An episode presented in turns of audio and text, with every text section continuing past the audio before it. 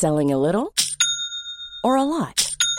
Shopify helps you do your thing however you cha-ching. Shopify is the global commerce platform that helps you sell at every stage of your business. From the launch your online shop stage to the first real life store stage, all the way to the did we just hit a million orders stage. Shopify is there to help you grow. Shopify helps you turn browsers into buyers with the internet's best converting checkout. 36% better on average compared to other leading commerce platforms because businesses that grow grow with Shopify. Get a $1 per month trial period at shopify.com/work. shopify.com/work. Roundabout Season 2, presented by Nissan, is live now, and we're back to share more stories from the road and the memories made along the way. We're talking rest stops, if we're stopping to get gas. You will be timed. Misguided plans. I grew up in the city, so I have like, you know, a healthy fear of real extreme darkness. a lot of laughs. Y'all weird, but you, yeah, you, you were different. And so much more. Listen and subscribe wherever you get your podcasts.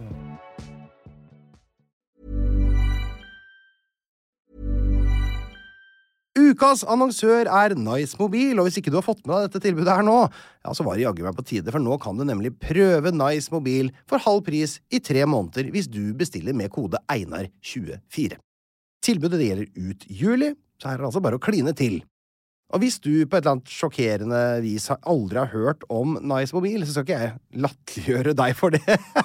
Men jeg skal opplyse deg om hva du har gått glipp av. For Nice Mobil er en målrettet annonsør med kun ett mål for øye, og det er å gi deg Norges billigste mobilabonnement, min venn. Derav slagordet helt enkelt billig. For det skal være enkelt, og det skal være billig. Og siden de liker det enkelt, så er det ikke noe binding eller noe sånt fjas som gjør at det er vanskelig. Det er enkelt, sier jeg. Og alt de vil, er at du skal gi dem en sjanse, og teste det ut sjæl. De er nemlig så sikre på produktet sitt at alt de vil, er at du skal teste dette her helt sjøl, til sjøs, til fjells, i bilen, i båten, i hva enn du hoppestokken, privatflyet ditt, hvor enn du beveger deg, og med hva enn du beveger deg med. Og alt du trenger, er å gjøre følgende. Last ned Nice mobilappen. Velg abonnementet du vil ha. Legg inn koden EINAR24, og simsalabombalabim så har du tre måneder abonnement til halv pris. Og tilbudet det gjelder ut juli. Ja, ikke sant? Så det betyr at du kan få Nice mobil til halv pris gjennom alle sommermånedene. Ja, god sommer, da, du.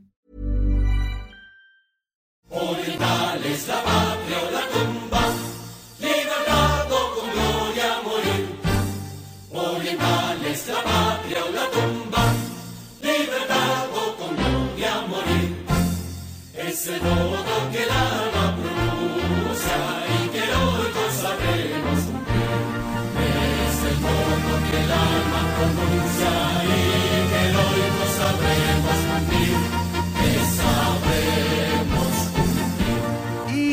dag skal vi til Sør-Amerikas nest minste land, mine damer og herrer, og ikke minst så skal vi endelig få plass til litt fakta om det siste Guay. Vi skal innom her i 198 land, nemlig Uru. Og da er det sikkert mange som tenker at Uruguay kanskje er et land som er litt off the radar her i Norge. Det er kanskje ikke et land vi reiser så mye til, snakker veldig mye om. I hvert fall ikke et land vi utvandrer til i særlig grad. Men det fins én mann der ute, eller egentlig mer her inne i dette rommet, som i 2003 pakket snippesken og reiste ut i det ukjente, ja, i det uruguayanske. Uruguayanske. Veldig vanskelig å si det ordet. Og den mannen, det er tidligere Brann-spiller, nåværende fotballekspert, Carl Erik Torp. Hjertelig velkommen. Ja, tusen hjertelig takk. Du er jo mest kjent for folk som han er fotballeksperten på NRK. Ja. Mye damefotball. Ja, det blir mye damefotball. Mye damer. Mye damer. Og så er du også kjent som han som måtte legge fotballskoa på hylla da du fikk hjertestans i kampen mellom Brann og Sogndal i 2011. Two claims to fames. Der. Ja, det var veien inn i, inn i mediebransjen, det. Ja, du kommer jo yngre inn i liksom den der etterkarrieredelen når man får litt sånn uh, rusk i maskineriet. Ja, jeg planla ikke å legge opp som 27-åring. Jeg skulle holde på litt lenger. Men det, dessverre så stoppa det da. Ja, og dessverre tapte dere jo 1-0 eh, mot Sogndal den dagen. Føler du at du må ta noe av skylda for det? Ja, absolutt. Uh, Soleklart. Det var den eneste kampen i brannkarrieren min jeg ikke starta. Så det, Er det sant? syns jeg Rune Skarsvård skal, skal ta litt på sin kappe også. Men jeg, jeg kom inn og gjorde det jævlig dårlig. Jeg, måtte, det? jeg måtte rett ut igjen. Så det var, Ja, du gikk, gikk virkelig Du kom inn i 77 eller sånt, var det? Ja, og så måtte og da lå dere under? Jeg tror, ja, vi lå under 1-0. Ja. Men det morsomme er at jeg eller morsomme. Jeg, måtte, jeg ble båret av banen uten at jeg visste det sjøl, for jeg fikk ikke det med meg. Men du, du, var ikke, du kollapsa ikke på banen?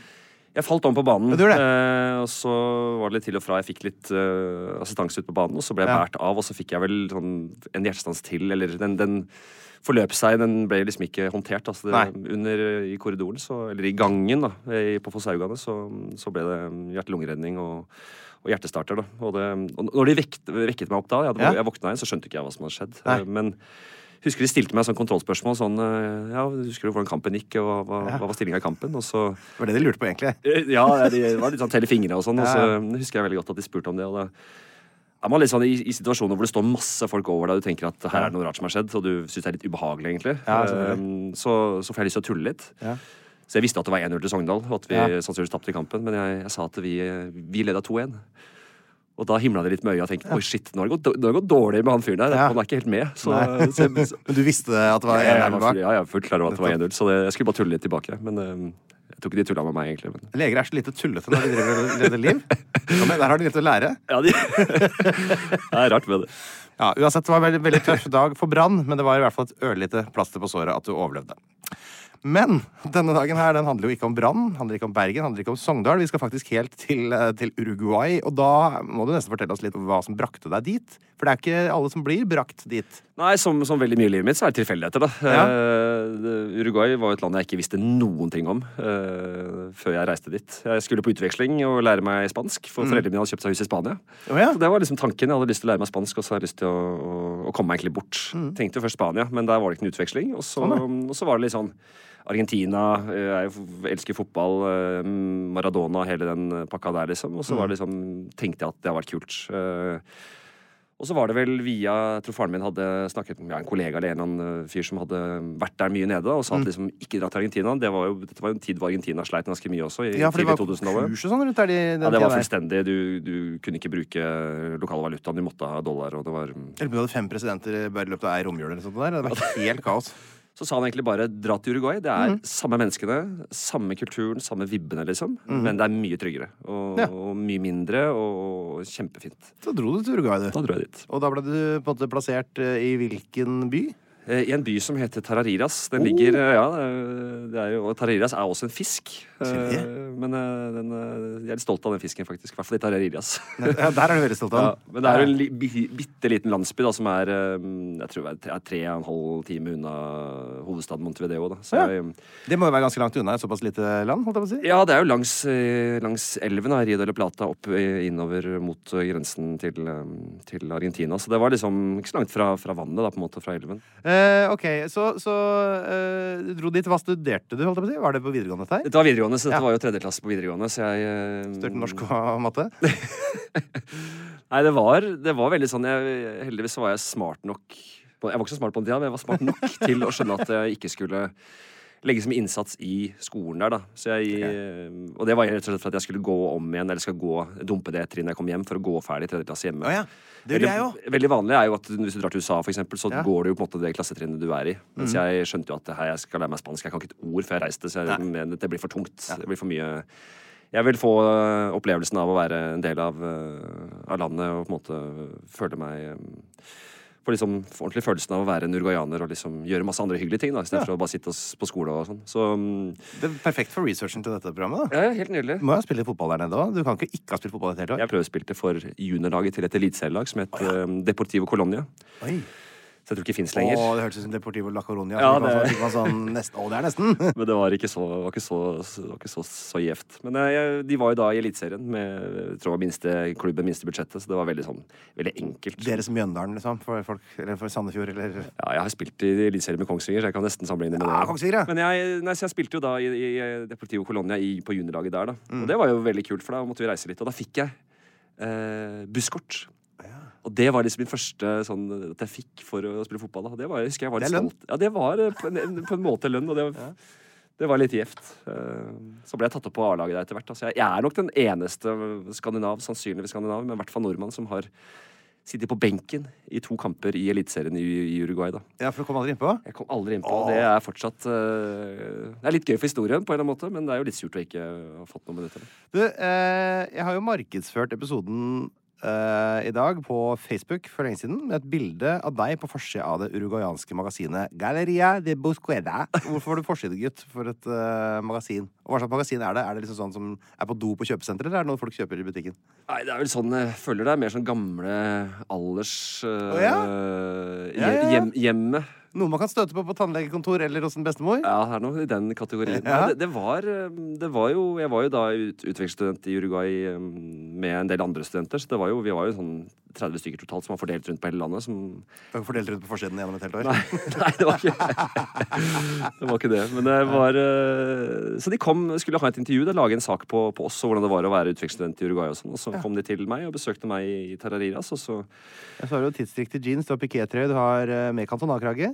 eh, Du har alpelue, eller baskelue, hva skal du kalle det for noe. Så ja, Hva var greia med lua der? Er det ja, Det er en boina. Altså, I Uruguay sier man boina. Boina kaller man det. Men det er jo, det er jo en, en eh, For de har ikke alper i Sør-Amerika.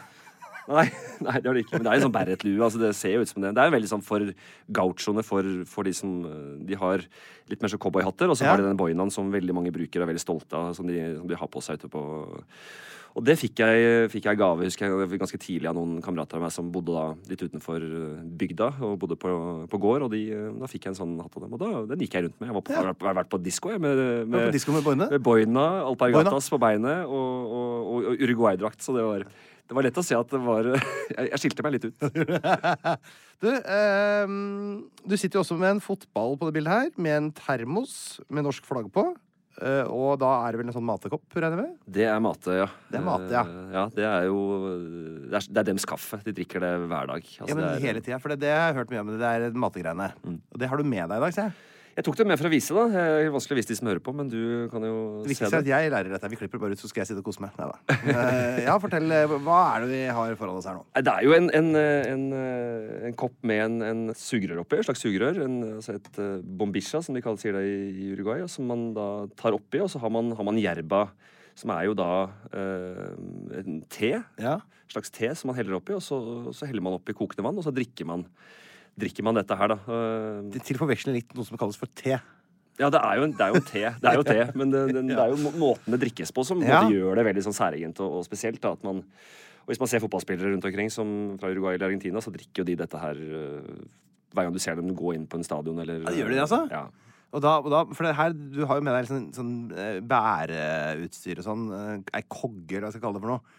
Altså, drar alle rundt på det gigantiske utstyret her bare for å suppe i seg litt eh, Ja, det, Har de ikke ma matesjapper de kan gå gjennom, sånn som vi har kaffesjapper?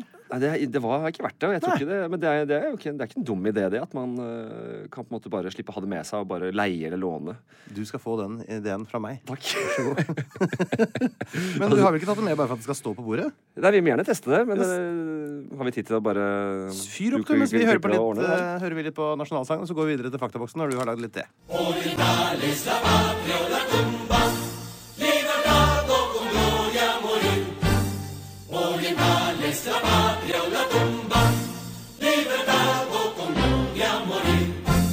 Da har vi eh, prøvesmakt litt uh, mate her, eh, Karl Erik. Eh, jeg syns jo ikke det smaker så veldig mye. Det, det smaker jo litt sånn beskt og, og fjøsete. Det er fjøsete, ja. Nettopp. Det, det har en, altså, det har en sjarm. Men, men du, det du ikke får inntrykk av, er at det er veldig usunt. i hvert fall. Nei, og det sies jo at det er bedre enn altså det, er jo, det er jo koffein, og det gir jo samme effekten. på en måte Så man drikker veldig ofte om morgenen. Altså det, er jo, det, er jo det, det er jo det det er. Altså Ja. en sånn, så Man drikker veldig ofte om morgenen og midt på dagen. eh, Så man har veldig sånn rutine på når man skal drikke det. Okay. Og så, så det, det, Men det er jo den, det er jo den sjarmen og kosen med det. ikke sant? Mm. Uruguayanere drikker jo dette masse alene, men jeg syns jo dette her har jo en sjarm når du gjør det sammen med, med flere. Og man sitter og snakker sammen. Kanskje man har kjøpt inn um, biscochos, altså bakevarer som man spiser, både som er sulle, søte og, og, og, salte. Det er veldig snakkete. koselig. Veldig snakkete. Det er jo litt sånn, uh, sånn de bruker det. Og veldig ofte til frokost at man står opp og Det er det første altså Den moren i det huset som jeg bodde i, da, i Ja. Hun, det var det første hun gjorde da hun sto opp. Var å sette på vannet, koke opp vannet, og så gjøre klar mat til henne. første jeg lager om morgenen, er jo kaffe. Det er ikke, Ja. noe, ikke noe rarere enn det. noe, jeg syns det er litt rart, da. Syns du det er rart? Lager du ikke kaffe sjøl? Jeg skulle bare, bare Ja, sånn, si at det var rart. Ja, Ja, ja, ja, ja, nettopp. at dette var rart. Ja da, det er kjemperart. Hjertelig velkommen til Faktaboksen, Karl Erik. Det er altså en spalte hvor eh, jeg stiller deg helt utrolig basic spørsmål om eh, Uruguay. Og noen ganger så er, eh, har du svaret på tunga, andre ganger så kanskje du dummer deg helt ut. Vi får se, da. Innbyggertallet i Uruguay, har du peiling? Ja, altså jeg, jeg pleier alltid å si at det er, at det er 3,5 millioner. Og så veldig ofte i fotball så snakker vi om liksom, Man bruker ofte tallet som for å si at Uruguay det er utrolig hva de får til med så lite mennesker. Så, jeg- men er det ikke litt, litt mindre? Det er, rundt 3,5 millioner. Jeg tror det er ganske presist, det. altså. Det er ikke noe veldig eh, Det er en sånn utrolig eh, nøyaktig tall har vi ikke, men 3,5 det tror jeg er helt fair å si. Ja.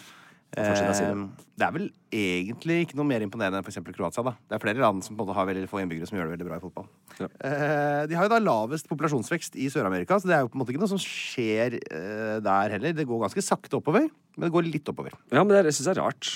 Hvorfor det?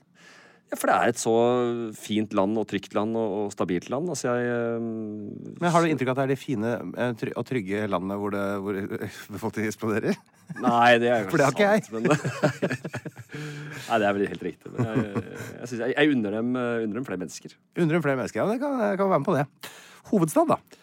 Ja, Det er Montevideo. Det, den, den tar jeg. Det er jeg ganske sikker på. Vet du hva det betyr? da? Altså Monte, altså Montaña Monte er jo noe med fjell, ikke sant? Ja, ja, ja. Så det, det, er jo, det er jo noe der. eh, Selv om eh, det er jo absolutt ikke noe fjell der. eh, Er det ikke I, nei, altså i Montevideo i hvert fall. Altså, det er ikke noe høyder der. Det er noe Men de kaller det Cerro. Det er mer sånn liten sånn ås. I see a mountain, skal det visstnok bety. Ja, ja, så men det, kanskje ser et fjell allikevel, da? Ja, det så. Jeg så et fjell. Det så et fjell. Det har jeg gjort mange ganger før, for jeg er fra Norge, så jeg er ikke noe imponert.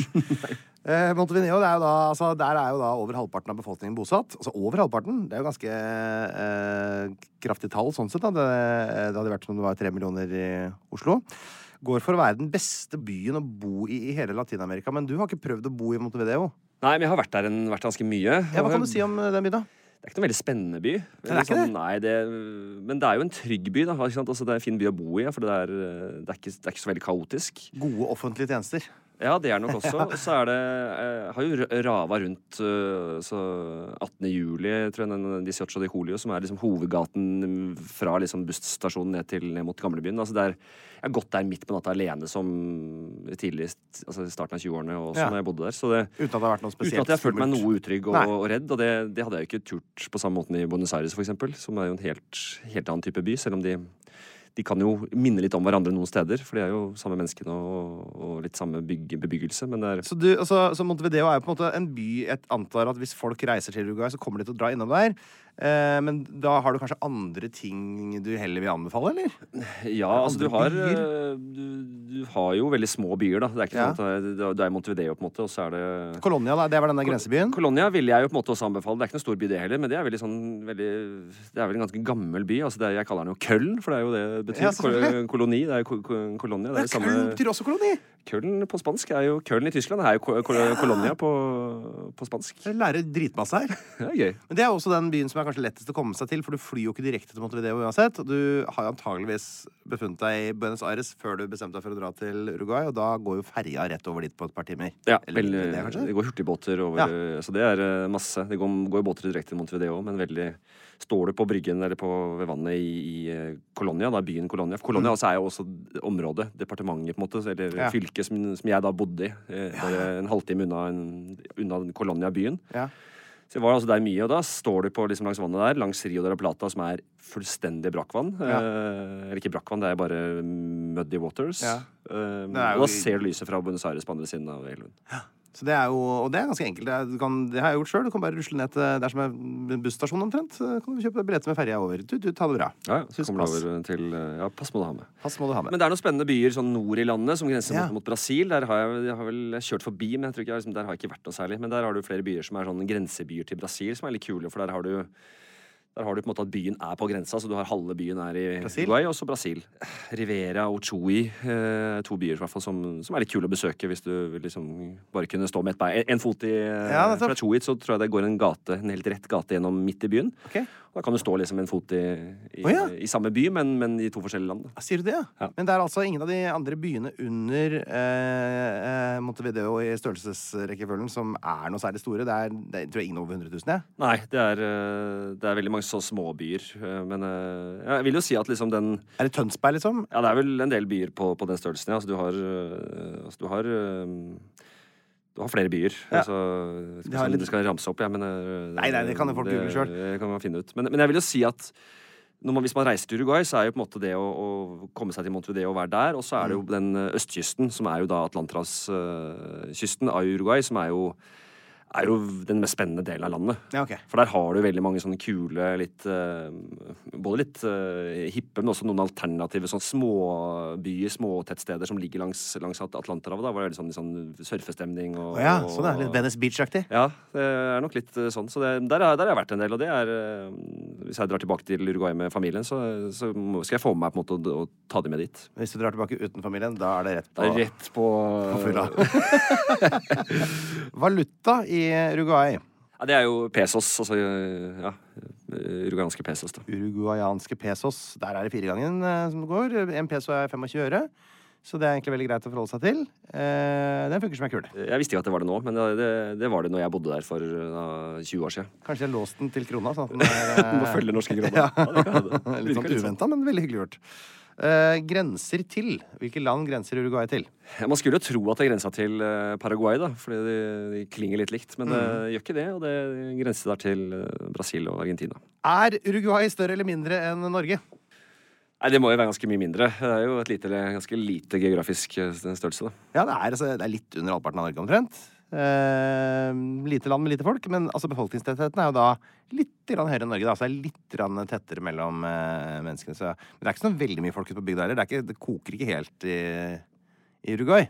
Nei, det er jo små, små bygder, da, og så er det veldig mye gårdsdrift egentlig resten av landet. på en måte. Det er jo kvegdrift og, og mye korndrift. da. HDI, det er jo da Human Development Index, eh, rangerer land fra verdens beste land å bo i, som er da Sveits. Norge er nummer to. Og så er det ned til bånn, som er noen av de afrikanske landene, selvfølgelig.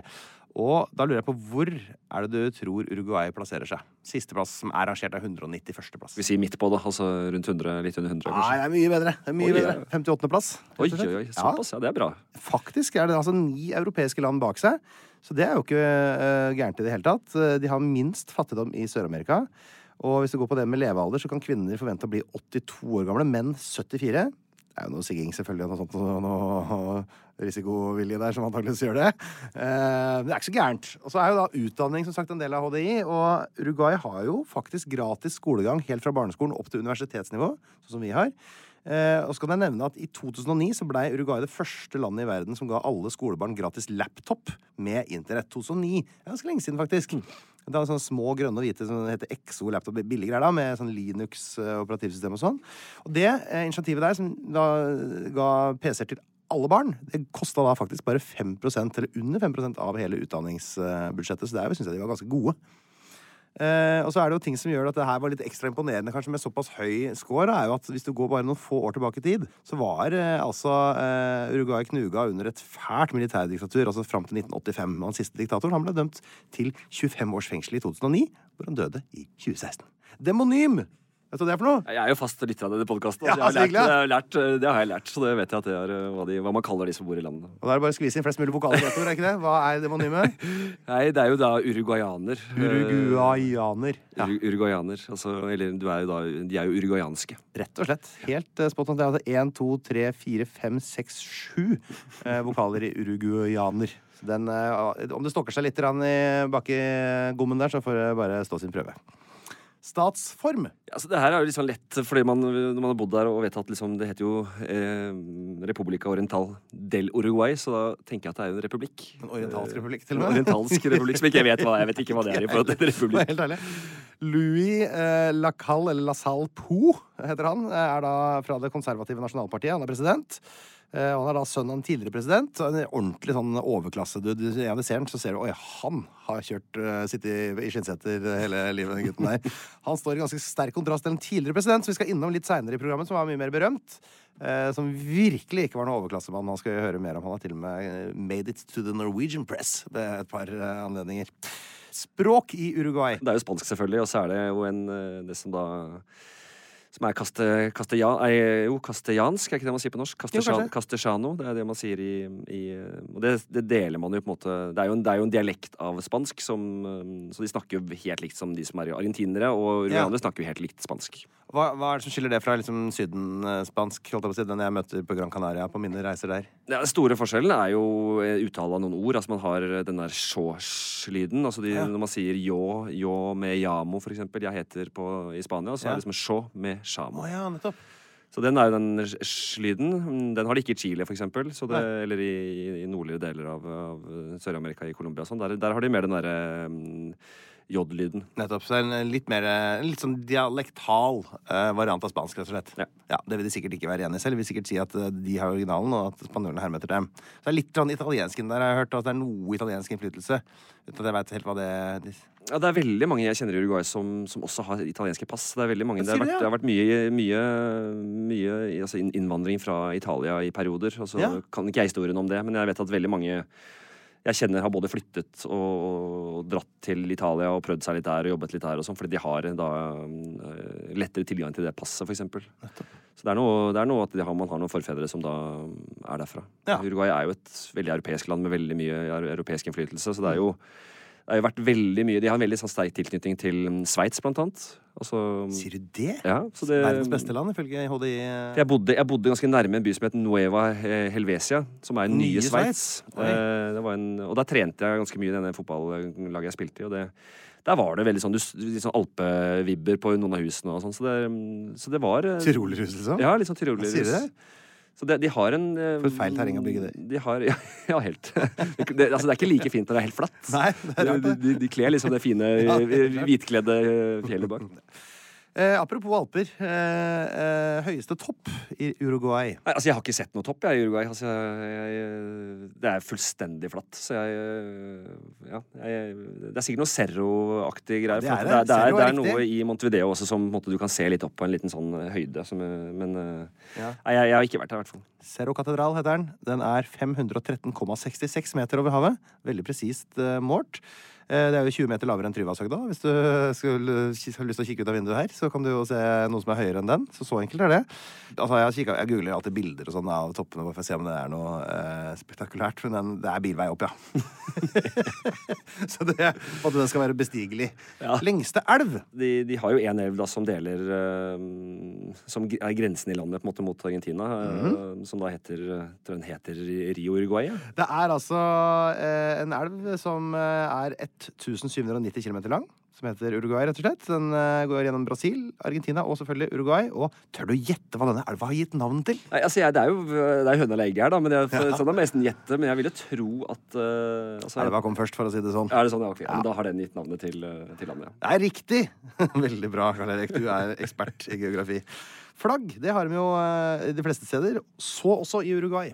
Og kan du med flotte, lekne ord beskrive dette flagget?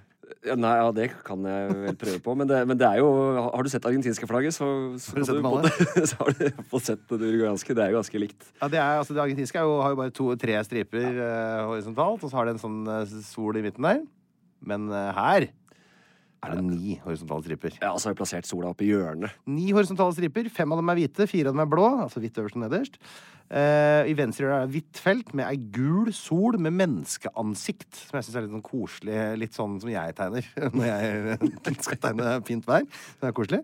Og det er da inspirert av USA, selvfølgelig, med stripene uh, uh, som USA har. Og så er det Argentina som også da har denne sola med menneskeansikt i midten. Som er, det er noen raringer, de der søramerikanerne, altså. Det er ikke koselig. Det gir, gir det veldig sånn fint og vennlig preg, da. Det er på litt tullete, eller? Så ansikt i sola. Ja, det, ja, ja. men det er, det, er vel en, det er vel en sånn eh, Jeg tror den heter so, so, mai, maisolen. et eller annet. Det er, det er et sånt symbol som de, de bruker både i Argentina og i Mayo de sol. Mayo, sol, ja, sol, Sol de mayo. Sol de mayo. Sol, de macho. Sol de det macho. Ja, den, eh. Det er ikke verst. Det er ganske god, skjønner du. Bare vært i Gran Canaria. Hvor mange uruguayanske eh, innvandrere er det i Norge? Nei, altså det Det fant jeg ut. Det er derfor jeg har det med. Hvordan, hvordan finner man ut det? Det, det finnes statistikk for nesten alt i hele verden. Okay. Det er helt utrolig. Nei, Jeg, jeg, kjenner jo, jeg kjenner jo en sånn 20-30 stykker, så det må jo være mer enn det, tenker jeg. Det er 232. Ja, Da kjenner jeg ganske mange. Da, ganske mange av dem. Ja, du er, ganske, det er jo 10 Ja. Religion.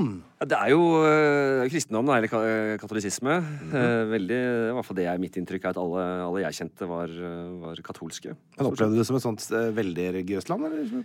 Ikke, ikke sånn voldsomt, voldsomt, men altså, jeg syns jo stort sett alle jeg kjente, var kalte seg på en måte katolske eller kristne. Og, og i alle hus jeg, jeg har vært i, på en måte, så har jeg de har veldig tro på disse helgenene. ikke sant? Ja. Det, kat det katolske, så på, mm, De velger seg veldig ut liksom, sin helgen som de liksom ber til, eller syns det er godt å ha inn i huset sitt, og så er det bilde av det på veggen. Nettopp. Så har de og disse bønnekjedene som de har bruker med et kors på, som de ofte øh, en del har på seg. Og så mm, tror jeg stort sett også alle bilene jeg satt i, så hadde det hengende rundt speilet foran i bilen. som en sånn... Ja. Så, Det har jo de- de- de er mer religiøse enn oss. ja, men jeg, jeg, følte, jeg føler Uruguay er mer sånn De, de syns det er veldig det, det er noe image i det. Liksom sånn, det, det å korse seg og, og liksom vise at man det, Mer Eh, generell tro. Ja, på, kanskje. Sikkert noen som blir irritert på det, men jeg, jeg, jeg tror det er litt Og jeg, det, ser- det ser litt uh, Med bønnekjedet også, liksom, det er litt sånn Det er litt mote. Jeg skjønner, men jeg, kan faktisk komme deg i møte her. For at det er sånn at Uruguay er det minst religiøse eh,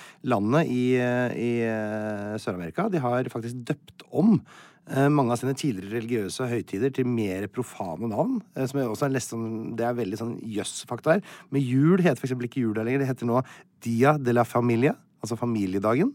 Eh, fordi de da har skifta til sekulære navn på høytidene. Og påske har skifta navn til Altså, dette er ganske gøy, altså. Tourism Week.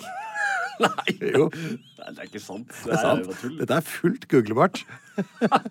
så det er, det er turismeuka. eh, Så de har tatt vekk liksom de religiøse navnene den, navnene fra solen i flagget ble ikke så tøysete nå lenger. Nei, det, det, er mye, det er alltid noe tøys.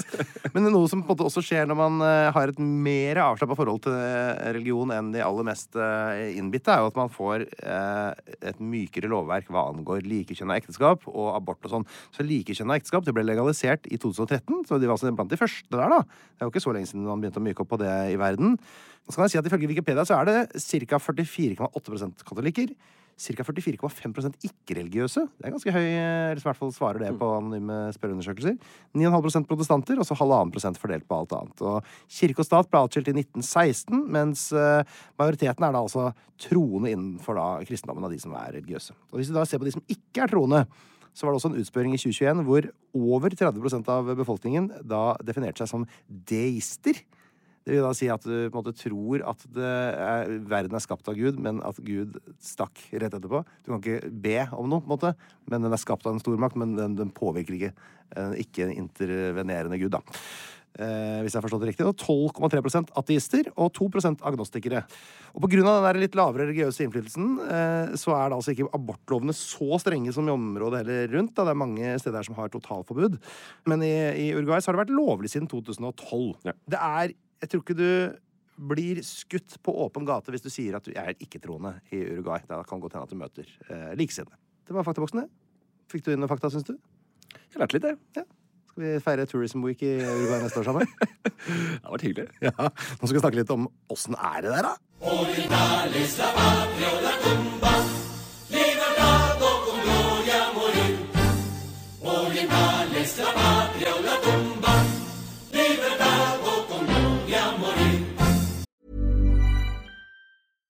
One size fits all seemed like a good idea for clothes Nice dress. Uh, it's a it's a t-shirt. until you tried it on. Same goes for your healthcare. That's why United Healthcare offers a variety of flexible, budget friendly coverage for medical, vision, dental, and more. So, whether you're between jobs, coming off a parent's plan, or even missed open enrollment, you can find the plan that fits you best. Find out more about United Healthcare coverage at uh1.com. That's uh1.com. I'm Sandra, and I'm just the professional your small business was looking for. But you didn't hire me because you didn't use LinkedIn jobs. LinkedIn has professionals you can't find anywhere else, including those who aren't actively looking for a new job but might be open to the perfect role, like me. In a given month, over 70% of LinkedIn users don't visit other leading job sites. So if you're not looking on LinkedIn, you'll miss out on great candidates like Sandra. Start hiring professionals like a professional. Post your free job on linkedin.com slash spoken today. Roundabout Season 2, presented by Nissan, is live now, and we're back to share more stories from the road and the memories made along the way. We're talking rest stops. If we're stopping to get gas, you will be timed. Misguided plans, I grew up in the city, so I have like, you know, a healthy fear of real extreme darkness. a lot of laughs, Y'all weird, but you, yeah, you, you were different. and so much more. Listen and subscribe wherever you get your podcasts.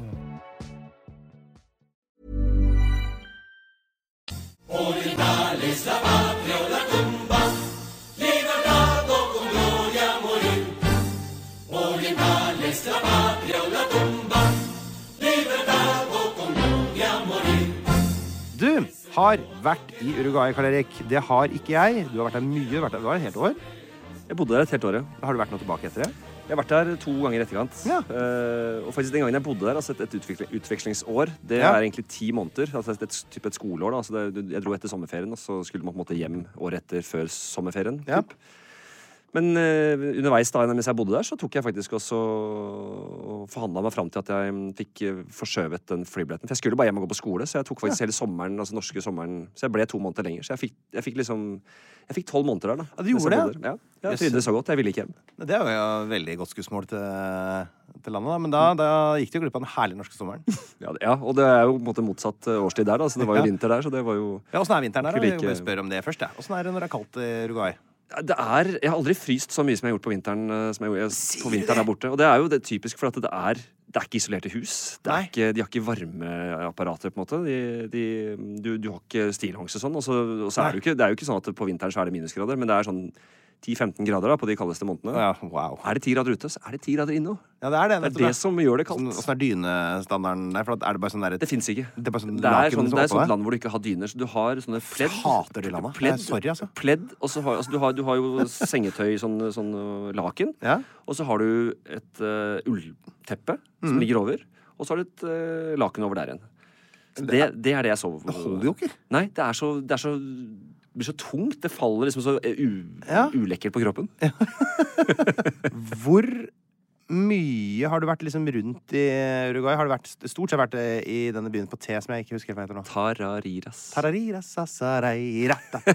Der har du eh, vært eh, mest. Ja. Og så har du svisja litt rundt sammen, jeg har med familien. litt, litt rundt. Nei, ikke så mye sammen med familien, for det var ganske Det var en arbeidsfamilie. Altså Mm. Ganske enkle kår jeg bodde i. Og det er det fantastiske med, med Uruguay og egentlig mitt opphold der, at jeg, de tok kom til familie, de tok til, til, meg til seg da, Mm. eh, og behandlet meg som et barn. Og jeg, hun ringer meg fortsatt og kan kalle meg liksom barnet sitt. Og, men jeg reiste jo litt rundt, både med fotball etter hvert, eh, Ja. men også da med, med de andre utvekslingsstudentene hvor vi hadde sånne turer. Hvor vi reiste liksom langt opp eh, østkysten, og vi hadde turer til Brasil, og vi hadde, hadde en skoletur faktisk til Salto. Ja, okay. Som da er eh, også en, den byen hvor både Luis Suárez og Cavani, Edison Cavani er fra. De Ja, som eh, følger fotball. Så, og der er det sånne varmekilder. Så der hadde vi en sånn klassetur til. Så der jeg har vært. det? Altså kunne du gå og bade i sånne kulper som lukta fis? Ja, det det. Ja, det var, eh, det var ganske godt, godt forklart, egentlig. Ja, nettopp. Men okay, så, så men, men hvis man skal komme seg rundt i landet, er det, liksom, er det et uh, opplegg med buss og kollektiv og sånn som er ok? Eller man kan liksom Det er jo ganske bra buss. Jeg har tatt, jeg har tatt mye buss. Og så har jeg haika veldig mye i, i Uruguay. Altså, det, det vil du si er trygt nok til at man kan gjøre? Jeg gjorde det som 17-åring alene når jeg skulle på trening uh, i da de andre byene, som var Ja. en times tid unna. Så, men da var det på en måte haiking fra den byen jeg bodde i, så da var det veldig ofte at liksom, de visste hvem jeg var, eller jeg som kjente ja. Da var det melkebilen som skulle ut, på, ut og hente melk fra disse gårdene rundt. Skulle Ja, ja, fylle opp eh, tanken, og så satte jeg på liksom til til et nytt sånt kryss hvor, det på måte, hvor jeg kunne liksom haike videre derfra. Nettopp, ja. For et eventyr. Ja, det var uh, veldig spesielt. Jeg, jeg vet ikke om jeg hadde gjort så mye nå, men, men jeg er 17-18 år, så tenker man ikke så mye konsekvenser alltid. Så ehm, ok, la oss begynne da med de tinga som gjør Uruguay forskjellig fra Norge. Vi snakker om været. Det kan bli relativt kaldt på vinteren. Selvfølgelig i juli, da. Det er middeltemperaturen 10-12 grader. Men så er det da varmeste måned. Blir jo da januar. Mm. Er det da, da? Ja, da er det godt og, ordentlig godt og varmt. Så, det, det er, så januar-februar øh, måneden er vel varmeste måneden. Da er det godt og da, så da er det 30 grader. Ordentlig sånn, Ja. sånn, sånn tropisk klima, da. Men Sånn at man blir sliten av skulle gjøre skal være litt kaldere? Eller sånn at det er, Å, så deilig. Eh, Nå er jeg veldig glad i varme, da, så jeg skal Ja. liksom, kanskje ikke riktig å spørre om det. Men, men, men det, man, man bor i sånne land og er der fast, så forholder man seg til varmen og, og sola på en helt annen måte. Så jeg ble jo ikke noe brun den sommeren jeg var der. Jeg ble ikke noe brun? Ja, fordi Nei, du går i skyggen? Jeg og det går i sånn. skyggen. og orker, altså, du orker ikke. Du liksom blir en del av, uh, av det de andre gjør, og da sitter man i, i skyggen og drikker mate-te da, og, og, og spiller uh, kort, eller liksom gjør noen sånne ting. Hva lukter det Altså Det er jo et spørsmål jeg ofte har når jeg, altså når jeg kommer til et nytt land. Så har det liksom en egen lukt, en egen følelse. Uh, og lukter det liksom bål og våt bikkje, eller lukter det liksom tropisk frukt og frisk luft? Eller hva, hva slags liksom, lukt er det liksom i Uruguay? Uruguay. Nei, I hvert fall ikke det siste. I hvert fall ikke det sånn tropisk eh, deilig. Nei, sånn blomster og Ikke det? Det lukter, det lukter kanskje litt sånn mateteen. Hvor du, Ja. Litt sånn fjøs Tørt. og litt tørt og, og Tørt gress? Lukter det tørt ja. gress? Så jeg husker, altså, litt, sånn, sånn, litt sånn fuktig. Altså, jeg husker Moren min eh, reagerte veldig på lukten i alle klærne mine da jeg kom hjem. hadde bodd der et år. Ja. Hun, uh, Er det inneklimaet som gjør det, eller er det Jeg vet egentlig ikke. Altså, jeg kjente jo ikke den lukten selv, men hun, hun mente at det lukta fryktelig. det lukta fryktelig? Uh, Ja, helt, helt, altså, hun prøvde å vaske klærne to, to eller tre ganger. Ja. Til slutt endte det på at hun kasta dem. Du kaster det. Så det er jo våre problemer, da, at det lukta litt for vondt av klærne. Selvfølgelig. Men det er jo lett å tenke at sånn Uruguay er et sånn søplete u-land som ikke du har hørt, du ikke har hørt om det, og at det er eh, masse forurensning og sånn. Hvis jeg sier da at 50% av Norges energi kommer fra fornybare kilder, hvor mange prosent av Uruguays energi kommer fra fornybare kilder, tenker du? Jeg, jeg, jeg kan liksom ikke skjønne at det skal være så mye, for jeg har liksom ikke sett noe særlig Hva er fornybar energi i Uruguay? Være? 98 Nei, er det sant? 98% av Uruguays energi kommer fra rett og slett fornybare kilder. Så det er jo et ganske et land som ikke gjør så stor skade på verden. Da. Ja, men hva, hva slags fornybare kilder er det? Det er altså i hovedsak eh, fra vind og eh, hydroenergi. Da. Ja, jeg er imponert. Ja, jeg, ikke, jeg ble faktisk ganske imponert. Jeg er veldig positivt overraska over Uruguay når jeg har lest, liksom, lest meg opp på det, for jeg har, hadde ikke noe peiling på det. Landskapet, eh, som ser ut, det er jo da ikke et fjelland. Ja, det er helt flatt. Helt paddeflatt. Det er liksom bare det som altså, man kaller det altså, pampasen da, i Argentina. Man kanskje kjenner til bedre fra Argentina. Sånn stes- ja, altså, det er sånn prærie, savannelandskap. Altså, Det er jo det, det som oversettes til andre hvis du, hvis du er på andre kontinenter, så er det jo egentlig det samme Prærie, savanne, steppe og pampas er vel de fire Ja. eh, variantene av, av det samme. Ja. 85% av landarealet er altså treløst sletteland, altså pampas. Vi elsker jo da å dra på hytta i Norge til fjells. Har de noe tilsvarende i Uruguay? Eller drar de til Utbelva eller til Sjøbua, eller? Ja, altså det, det er faktisk en del som har sånne, sånne feriehus uh, langs kysten. Da. uh, og langs uh, Altså ned da fra, fra der jeg bodde, så var det, var det veldig mange som hadde feriehus nede ved Rio de la Plata. Da. Det er jo stort sett det det handler om, å komme seg til vann. Da. Ikke til å, det er ikke noe sted å dra opp. Nei, det er ikke ikke vits i å dra mer inn i landet for så vidt heller. For det er jo bare akkurat likt som der du er. så det er ganske mange som jeg kjente. Så vi, vi var, på sommeren så var vi ofte på feriehusene nede, nede ved, ved elva. Ikke sant? Det er bare, bare det er et sånt tegn på at her er det jo antageligvis et land som går litt bedre enn de aller dårligste. At folk har mm, et lite sånn retreat, en liten dacha, en liten hytte. Åssen bor folk flest, vil du si, i byene og på landet sånn? Åssen er størrelsen på bygningene? Er, det blåser rett gjennom veggene, var vi vel litt inne på her i stad. Det er dårlig isolert. Jeg kan jo egentlig bare snakke for der jeg bodde selv, og det huset jeg bodde i var jo veldig enkelt. Med, Det var to etasjer, da, så det høres jo litt fancy ut, men det var, du kom inn i en stue og kjøkken i ett, og en gang i ett, og så var det en trapp opp, og så var det to soverom, og så et lite bad. Det høres ut som en leilighet, Både, da. Ja, det- ja. Det. Ja, men der bodde vi fire stykker, da.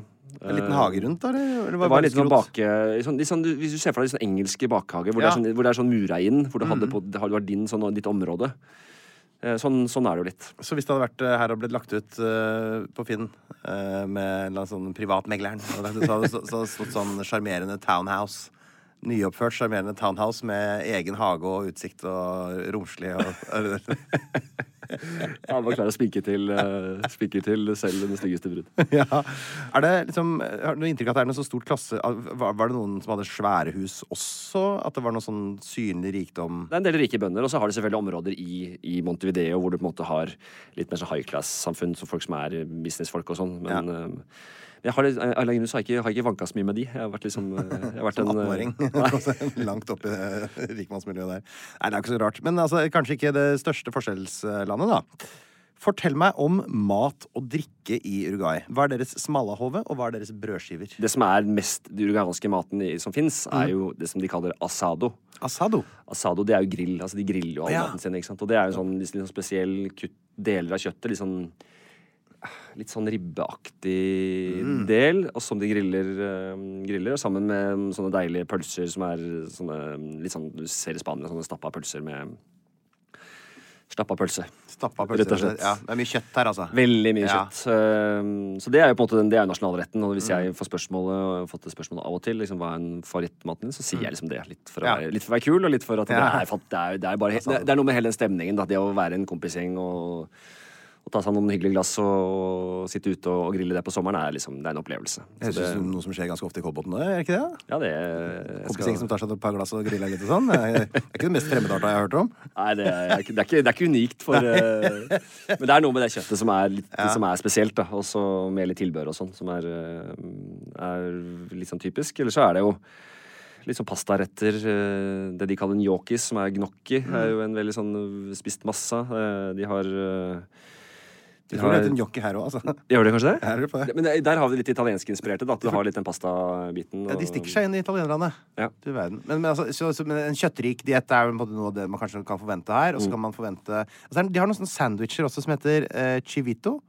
Som er eh, husker han Anthony Bourdain. eh, han eh, kårer i hvert fall det til verdens beste sandwich. Den klassiske uruguayanske sandwichen. Ja, og den har jeg spist masse. Og det selger de veldig ofte på sånne, sånne, sånne vogner rundt omkring. Sånne, som, som er liksom mobile utsalgssteder. Eh, Men det minner jo på en måte om en sånn club sandwich. Ja, ja.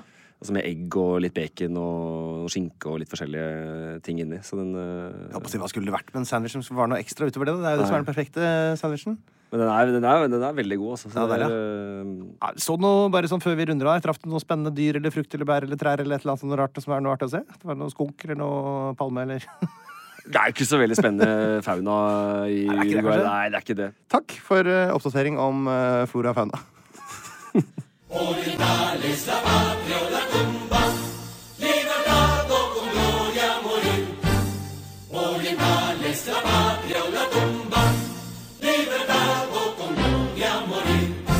Du, Jeg bare dundrer litt sånn superkjapt gjennom historien her, Karl Erik, sånn at vi får, uh, får den på plass òg.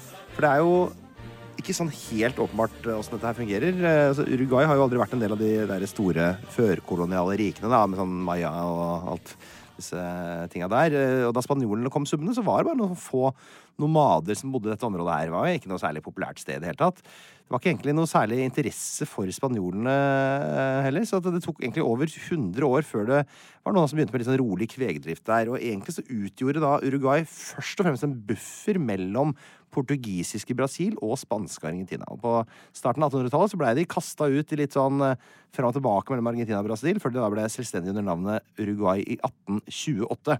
Så blei det da litt eh, uenigheter om åssen landet skulle styres, og resten av 1800-tallet var da prega av borgerkrig mellom de liberale gauchoene. Altså det er hva skal kalle det, cowboyer, liksom. Sånn Ja, cowboyer. ja, Rallar-gjengen. I eh, Colorado-partiet, altså er deres svar på Venstre, sånn som vi har det i dag, med Gulli Melby og det der. Eh, Og da det konservative borgerskapets hær i Blanco-partiet, som er mer sånn lengre til høyre.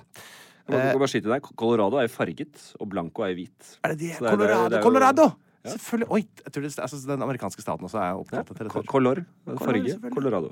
Farget. Det blei altså fredeligere etter 1800-tallet, fra 1903. Eh, for da var det en av disse gauchoene, som, altså, til, som Guri Melbys eh, parti eh, Altså Colorado-partiet. En av gauchoene derfor ble valgt til president. Og stridighetene ble da tatt ut av skyttergravene og inn i parlamentet. Og de to partiene der, altså Colorado og Blanco, de har da vært ledende partier i Uruguay helt fram til vår tid. Eh, og i og med at det, det området ikke var bebodd før europeerne kom, så var det nesten da utelukkende bare etterkommere av europeiske immigranter som bodde der, eh, og som fortsatt bor der. Så Europa ble da brukt som modell på det aller meste. Du nevnte i stad at det var et veldig europeisk land.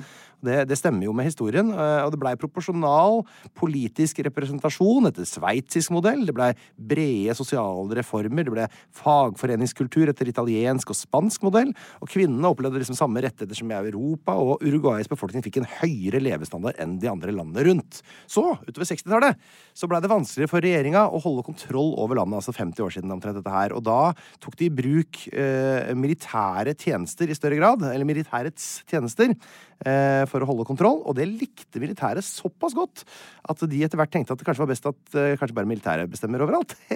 så da blei det altså militærdiktatur, og et av de verste sådanne i Latin-Amerika. De dundra på med makt og vold og drap og undertrykking og tortur til han siste militærdiktatoren blei kicka i 85, da. Så var det da å begynne på nytt for Uruguay bare med svær gjeld som eh, militærstyret hadde klart å pådra landet. Og det fine med det, det var at de klarte å få til en tverrpolitisk enighet om en stabil økonomisk politikk. De klarte å bygge et nytt demokrati, og de klarte å legge bak seg det som hadde skjedd. Og i 1989 så vedtok de å ikke straffeforfølge de som hadde utført menneskerettighetsbrudd under militærdiktaturet, som jeg må jo si er ganske sånn Ja, det er voksent gjort. Så kom altså en periode med eh, økonomisk vekst og byråkratinedskjæringer, men også økt klasseskille, før det kom en solid venstrevridning på 2000-tallet, hvor fattigdom skulle bekjempes og det offentlige skulle bygges ut igjen. Og da var det nemlig kommet et tredje parti på beina, som ikke var Colorado, som ikke var Blanco. Det var et sosialistisk parti, og de får presidenten i 2009. José, eller Jo, José, sier man kanskje da. José José José, José Mo- Mujica. Mujica. Mojica. han i hvert fall, han er ganske kjent. Og når vi nå går over i spalten interessante typer, oppfinnelser og greier og sånt, så skal vi fokusere litt grann mer på han. For det er ikke akkurat noe champagnesosialist som sitter i mersa si og, og øker skattene, for å si det forsiktig. Dette er interessant type.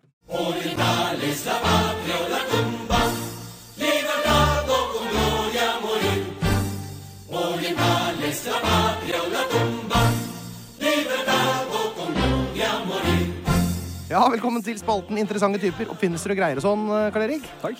Eh, veldig hyggelig å ha deg. Jo, veldig hyggelig å være her. José Mojica. Mo, ja, Mojica. Ja, han er den første punktet i spalten. Interessante typer, oppfinnelser og greier og sånn. Han var jo da president eh, fra 2009 og eh, i årene etter. Jeg kjenner du til han? Ja, ja, så absolutt. Altså, han er jo en, øh, han, er jo en ja, han står veldig sterkt i Uruguay. Altså, jeg er veldig stolt av han også, da, som de er stolt av veldig mange mye. Men han er jo en fascinerende, fascinerende mann. Veldig fascinerende mann. Han eh, ble jo berømt. eh, Det var jo eh, skriverier om han i Norge også, husker jeg. Han var jo da kjent som å liksom være verdens fattigste president. var jo det eh, klengenavnet han fikk. Husker du eh, liksom åssen han bodde og sånn, eller? Åssen han bor fortsatt? Ja, han uh, sa vel fra seg masse av lønnen sin og bodde fortsatt i de, det enkle kåret han bodde i. Han uh, kjørte fortsatt rundt i en enkel bil. Og liksom det, det er jo ikke sånn du ser for deg statsledere i disse landene, da. Nei, virkelig ikke. Han hadde ett soverom i huset. Han og kjerringa som delte. Hun var sånn der, et eller annet sånn høyesterettsdommer eller et eller annet, et eller annet stortingspresident. Typ sånt noe. Han president. Og eh, hans lønn, som du sa, den var jo da egentlig i utgangspunktet 125 000 kroner i måneden. Det er jo vanlig eh, statsminister- eller presidentlønn. Han sa fra seg 90% Ja. hver måned, så han satt igjen med 12 000. Ja, han mente at han ikke trengte mer, så det var ikke vits å ha de pengene. Han hadde jo veldig veldig lite dårlig hus. Eh, eh, så han Det var ikke dyrt å bo der. Det er jo kjempebillig, men langt unna sentrum og alt. Så han de- donerte da til veldedige organisasjoner. Eh, du nevnte bilen hans. Det var Boble. Gamle typen Boble. Lyseblå, tror jeg sikkert er feil. Nå er det sånn at De har jo ikke vært i Europa siden 73 eller noe, men den her litt nyere, da, de produserte med Sør-Amerika litt lenger. Det er han 87-modell. Så nå er det en sånn 20-30 år gammel boble. Kom inn et bud på 10 millioner kroner for den! Fra en arabisk eh, sånn type. Men han valgte ikke slå til på det. Kan også nevne at han selvfølgelig med dette imaget her også hadde selvfølgelig bikkje med tre bein. Som, som man jo må ha når man bor i en sånn For å fullføre imaget, liksom. ja. Eh, og historien hans er jo interessant, for han var jo da i utgangspunktet en eh, tidligere bankraner. Tidligere geriljakriger. eh, Sitter i 13 år i fengsel. Eh, han ble med i noe som het Supamaros, som var sånn venstreradikal, revolusjonær geriljagruppe på 60-tallet, som oppsto i kjølvannet av Castros triumf i, Cuba og sånn. Og agerte da blant annet som bankraner for å skaffe inntekt til geriljavirksomheten. Litt sånn som Stalin gjorde, uten sammenligning for øvrig, eh, borti Georgia. Eh, de skulle ha revolusjon, selvfølgelig, og han sier sjøl at han aldri drepte noen. Eh, Men han er mye mer bekymra. Han er ikke sånn angrende. Han er mye mer bekymra for hvordan bankene oppfører seg i dag, enn hvordan han oppførte seg mot bankene, som han uh, sier. Så han er en ordentlig sosialist. Eh, han fikk en del kritikk under sin presidentperiode for å være en talker, ikke en doer. Eh, flink til å snakke, kanskje ikke så dyktig på å gjennomføre, da.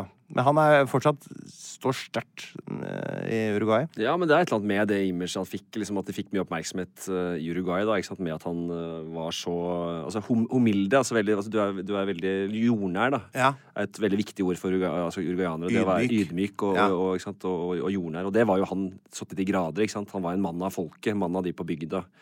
Uten at han gikk ekstravagant og sånn. så han... um... Noe en kunne være stolte av å sende ut og se, vi har en så kul present. på en måte. Ja, det er, liksom, det er, det er gøy å være litt annerledes. Ja, men det er gøy å være litt annerledes. ikke sant? Altså, Mm. kommer, så ser du han dukker opp, og jeg har sett noen liksom, bilder hvor han står med, med Putin og sånn, og det er veldig gøy Ja, å se han liksom, Han, han ser jo ut som bare en sånn hyggelig bestefar som bare forteller gode historier. Ja, Og det er jo det han gjør òg. Alle intervjuer er jo hjemme hos han i hammocken hvor han sitter på bussida. Han, er jo, altså, han ser jo ut som han på en måte eh, levde litt usunt, da. Mm. Er jo nesten 80 år. Grå eh, Ser ikke særlig sunn ut, rett og slett. da Hvor fattig og Dette er veldig, veldig veldig lite president, presidential. Eh, og så ble Uruguay i 2013 det første landet i verden til å legalisere produksjon, bruk og salg av marihuana. Og dette er altså han Mohicas uh, verk. Party on, Wayne. ikke? Party on Wayne. Privatpersoner kan dyrke opptil seks planter, mens uh, cannabisklubber kan dyrke opptil 99. Ikke 100. No, no, no, no, no, no, no senor. Eh, I tillegg selger apotekene nasjonalt produserte pakker med sånn styrkemerking på. Da, så du kan på en måte kjøpe sterk eller svak eller eh, eh, hva du har lyst på. Du vil selvfølgelig ha sterk med ditt eh, forbruk, eh, Karl Erik. Eh, og dette har vært ganske sånn gjør det, så gjør det skikkelig, tenker jeg. ja, virkelig må bli litt tullrusk. De har jo noen oppfinnelser i Uruguay som er uruguayanske.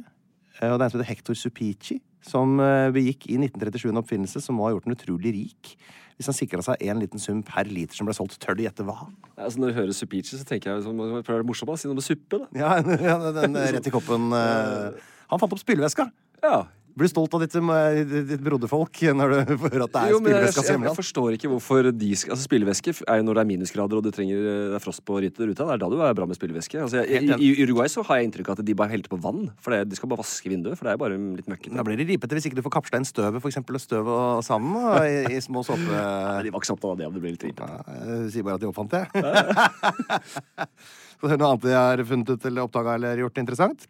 Det er en som heter Gonzalo Tancredi, og en som heter Juan Angel Fernandez. Som er to uruguayanske astronomer som gjennom sitt arbeid med å utvikle en presis definisjon av hva planeter er for noe, sørga for det globale traumet som definerte Pluto ut av planetrekka vår. Det er uruguayanernes skyld. Det har kødda til hele solsystemet mitt. Alt er kødda. Og alle hadde Pluto som favorittplanet. Ja. Det, var, det, er ingen som, det går ikke an å nekte for det. Pluto var den feteste. De mobile responsenhetene ble oppfunnet av José Terra, eh, Luis Martino og Mario de la Scala i 1979. Og det er altså fullt utstyrte ambulanser som kan behandle folk på stedet. Hva sier du til det? Det har vel du tatt en ride eller to i? Det er enda flere som takker for at jeg er i live. da. Har, jeg de på lista mi også. Det hadde jo ambulanser som var biler med en seng i før også, men du hadde ikke de som kunne behandle pasienter på stedet med alt utstyret du trengte. Så dette er rett og slett en ganske stor oppfinnelse, og den har jo du eh, Den sørger for at jeg har gjest i dag. Og så har du da 1960, så er det enda en ting som du skal være ganske blid og glad for. For Orestes Fiandra og Roberto Rubio var de to første kirurgene som klarte å operere inn en pacemaker hos en pasient. Fiandra han fortsatte å jobbe og utvikle pacemaker, og starta et firma som da fortsatt er i drift i dag. Har du pacemaker? Det er jo en pacemaker og en hjertestarter, så det er jo kombinasjonen. Så det er begge deler. Så, ja. Det er en uruguayansk oppfinnelse. Fy søren, det er, ja, det er oppfinnelse, eller bare de som gjorde operasjonen. Jo, eh, det er bare de som, og det å klare å finne å putte den inn, det er oppfinnelsen. Det er uruguayansk. Jo, da, men det, er, det, hadde jeg, vet det hadde jeg aldri trodd at de skulle, at de skulle være der. Og så har jeg lyst til å trekke fram en uruguayansk oppfinnelse som er en utrolig smooth overgang til å snakke litt om fotball, som vi skal gjøre nå. For i 1924, da Uruguay slo Sveits 3-0 i OL-finalen, så feira det uruguayanske landslaget med å løpe en runde rundt banen og takke publikum. Og det var første gang noen hadde gjort det, som er helt normal praksis i dag. Ja, det er jo vanvittig. Tenk Tenk, det. tenk, hva det har gitt, uh, den oppfinnelsen har gitt fotballen. Overtidsarbeid for uh, fotballspillere. Rett og slett bare ha det gøy etter at de har vunnet. Ja. Det, det er det de fa- fant opp. Men fotball, ta oss uh, litt inn i hvor stort fotball er i Uruguay. Det er en del av liksom, DNA-et deres. Ja. De, og det er fascinerende, for det er liksom Alle bryr seg. Alle bryr seg om fotball. Altså, det er, du, Det er ingen som ikke er sånn Aff, jeg gidder ikke å se fotball. Og... Nei, altså det er i, i- altså, menn, damer, øh, unge, gamle. Altså det er, alle spiller fotball på et eller annet tidspunkt. Altså, hvis, av, av menn, da. øh, Nå vokser jo kvinnefotball der også, og kommer nok til å bli stort etter hvert, det òg. For de har, de, har, de har ikke noen sånn kultur for at kvinnefotball skal bli stort. De har ikke noen grunn til at liksom, nei, jenter, skal ikke drive med idrett. For det, det, det, det har jo andre land problemer med, men det er jo ikke noe problem i Uruguay. Så det, det kommer nok til å bli stort. Nå spilte jo Norge faktisk mot Uruguay og vant bare 1-0, så de har jo tatt steg allerede. Altså kvinnelaget. Ja. Det er to store klubber i Uruguay. Altså det er Nacional, Montevideo, og så er det Peñarol fra Montevideo. Det er to store klubber. Begge er fra Montevideo. Ja. Ja. Landet deles i to på de to klubbene. Alle heier på et av de lagene. Og det som er også litt rart, er at i alle sånne småbyer, den byen jeg bodde i òg, så har du sånne eh, små, små hva kaller det for, sånne utvekster fra den klubben som, som har småklubber i alle byene òg. Oh, ja. Så det var liksom et Peñarol og et National i den lille byen jeg bodde. Spilte lokal serie. Ja, sier du det? Så at hvis, hvis, la oss si da, hvis det var eh, eh, samme i Norge, og det var Vålerenga og KFA, Koffa, da. Mm. Som var de to største lagene i Norge. Det er det jo virkelig ikke. Uh, men da hadde alle små byer hatt et lite Vålerenga-lag også. Ja. Og ikke fordi det er nødvendigvis eh, Det er ikke administrert fra hovedklubben. Det er bare Nei. at det er noe det har vært starta opp som en supporterklubb, og det er blitt et lag, og så er det en del så, så da spiller man liksom i de eh, lokalt, da. Det er liv og død for dem. Altså det er, eh, høres brutalt ut, men Ja, det er vel Men det er Og de har jo Altså, de arrangerte jo VM, det første VM i 1930. Vant det selv. Eh, og de har også eh, altså, i, I deres olympiske historie som nasjon så har de også kun to OL-gull, og det er jo da også i fotball i 1924 og fotball i 1928, altså rett før VM. Så var jo det på en måte som var den største konkurransen i fotball da. Så det er jo en veldig gullalder. Og så vant de jo eh, også i 1950. Som da var det, altså, de, de vant altså de to første VM-ene de deltok i, for de deltok i 30. Så boikotta de i 34 og 38, og så ble det ikke arrangert noe VM på 40-tallet. Så neste Nei. VM var jo da i 1950, så de vant de to første VM-ene de var med i. Eh, så det er jo ganske fantastisk, det, da. Ja, de er, men de er utrolig stolte av de to VM-titlene de har. Men de mener jo selv at de er fire ganger verdensmestere. da På grunn av 24 28. på grunn av de to OL-ene. ikke sant? Ja, ja, For da var jo alle med. De har vært i tre semifinaler eh, etter den gang. Og tapt semifinale og tapt bransjefinale. Det har vel aldri fått noen flere medaljer. Nei, det, kaster semmel. Det er litt kjedelig, da. Skal vi gå til eh, spalten Jøss, som er en legendarisk eh, spalte innen geografipodkaster. Ja, jeg gleder meg. Ja, vet du.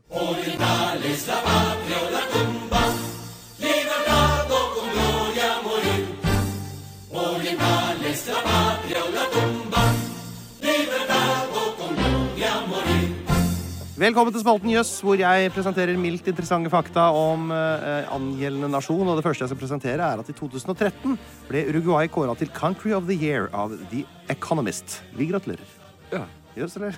Jøss. Nei, jeg, vi er ikke så veldig overraska, er vi det? Var det så veldig jøss? ikke. Jeg syns egentlig det har synes det var vært på, eh, høres ut som at det er på sin plass. Før eller senere måtte de også bli årets land. Ja. Nettopp. Uruguay har verdens lengste nasjonalsang målt i spilletid. Den har 105 takter og er mellom 4,5 og 6 minutter lang når den spilles. Ja, jøss. Ja, Det er godt at ikke de vinner og ikke har vunnet VM på 80 år. det er faktisk ikke bare stemmerett i Uruguay, det er stemmeplikt.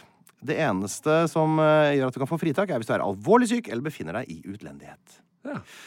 Luis Suárez ble den første Barcelona-spilleren som vant Ballon d'Or. Tør du gjette på hvilket år? Og jeg, øh, 2017? 1960. Jeg refererer til en Å, ja, annen Luis Suárez. hjelpes, Eh, det- det- En spanjol. eh, Bare Det dum finte. Det var dårlig gjort. Uruguay er visstnok verdens eneste land som holder nøyaktig styr på hvor mange kyr som bor i landet. Uruguay har en stor underkommunisert del av æren for å stå bak tangoen. Det var altså en dans som utvikla seg da i arbeiderklassen på begge sider av Rio de la Plata. Eh, så det vil si at det er både uruguayanere og argentinere som derfor dansa denne dansen her. Visste jeg ikke at det var at Uruguay også skal ha litt for det. De skal det. ha det, så de er, de er litt opptatt av det der nede, som om tango er så forbanna viktig. Den siste lederen for militærdiktaturet i Uruguay, altså Gregorio Alvarez, han døde i fengsel på Jan Thomas sin 50-årsdag i 2016. Det er jøss. Det er jo fantastisk. Det er gøy. Vil du ta noen lyttespørsmål før du setter deg i bilen og kjører til Kolbotn? Ja.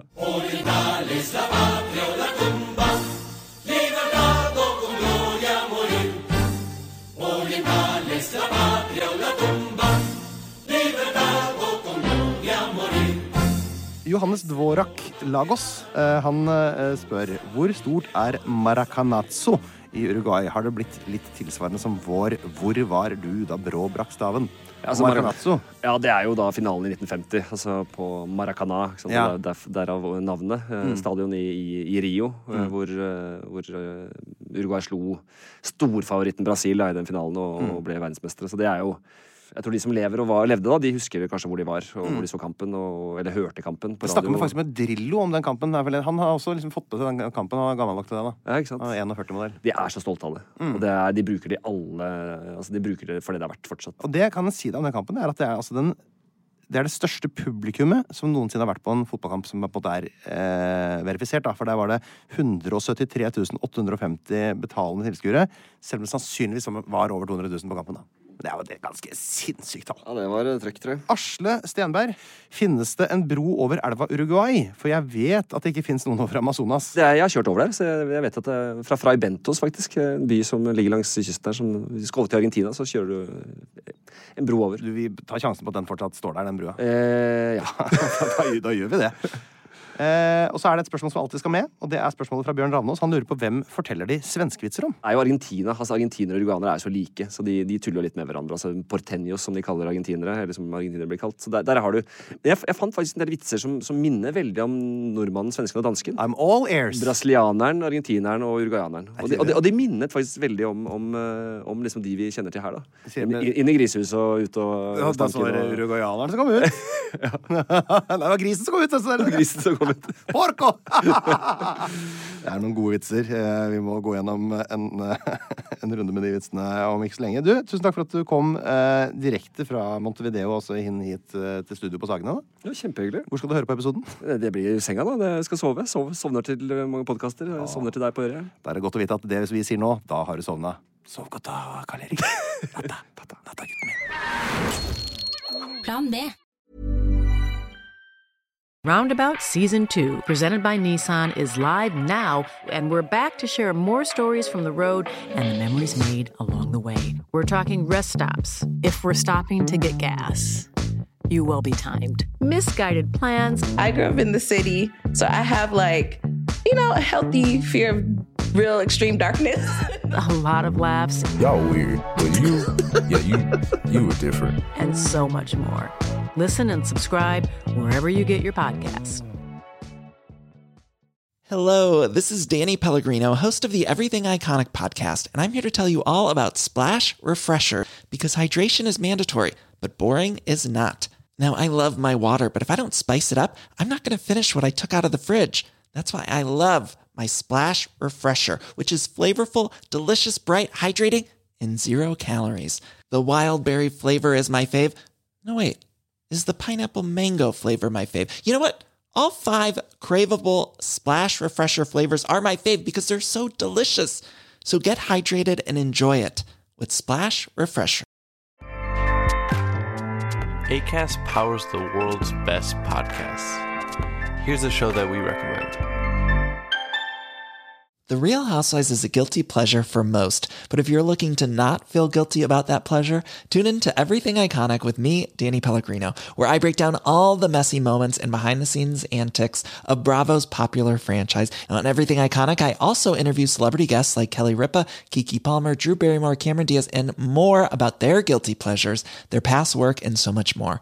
So if you're pop culture obsessed and find yourself watching way too much reality TV like me, tune in to Everything Iconic with Danny Pellegrino wherever you listen to podcasts. ACAST helps creators launch, grow, and monetize their podcasts everywhere. ACAST.com.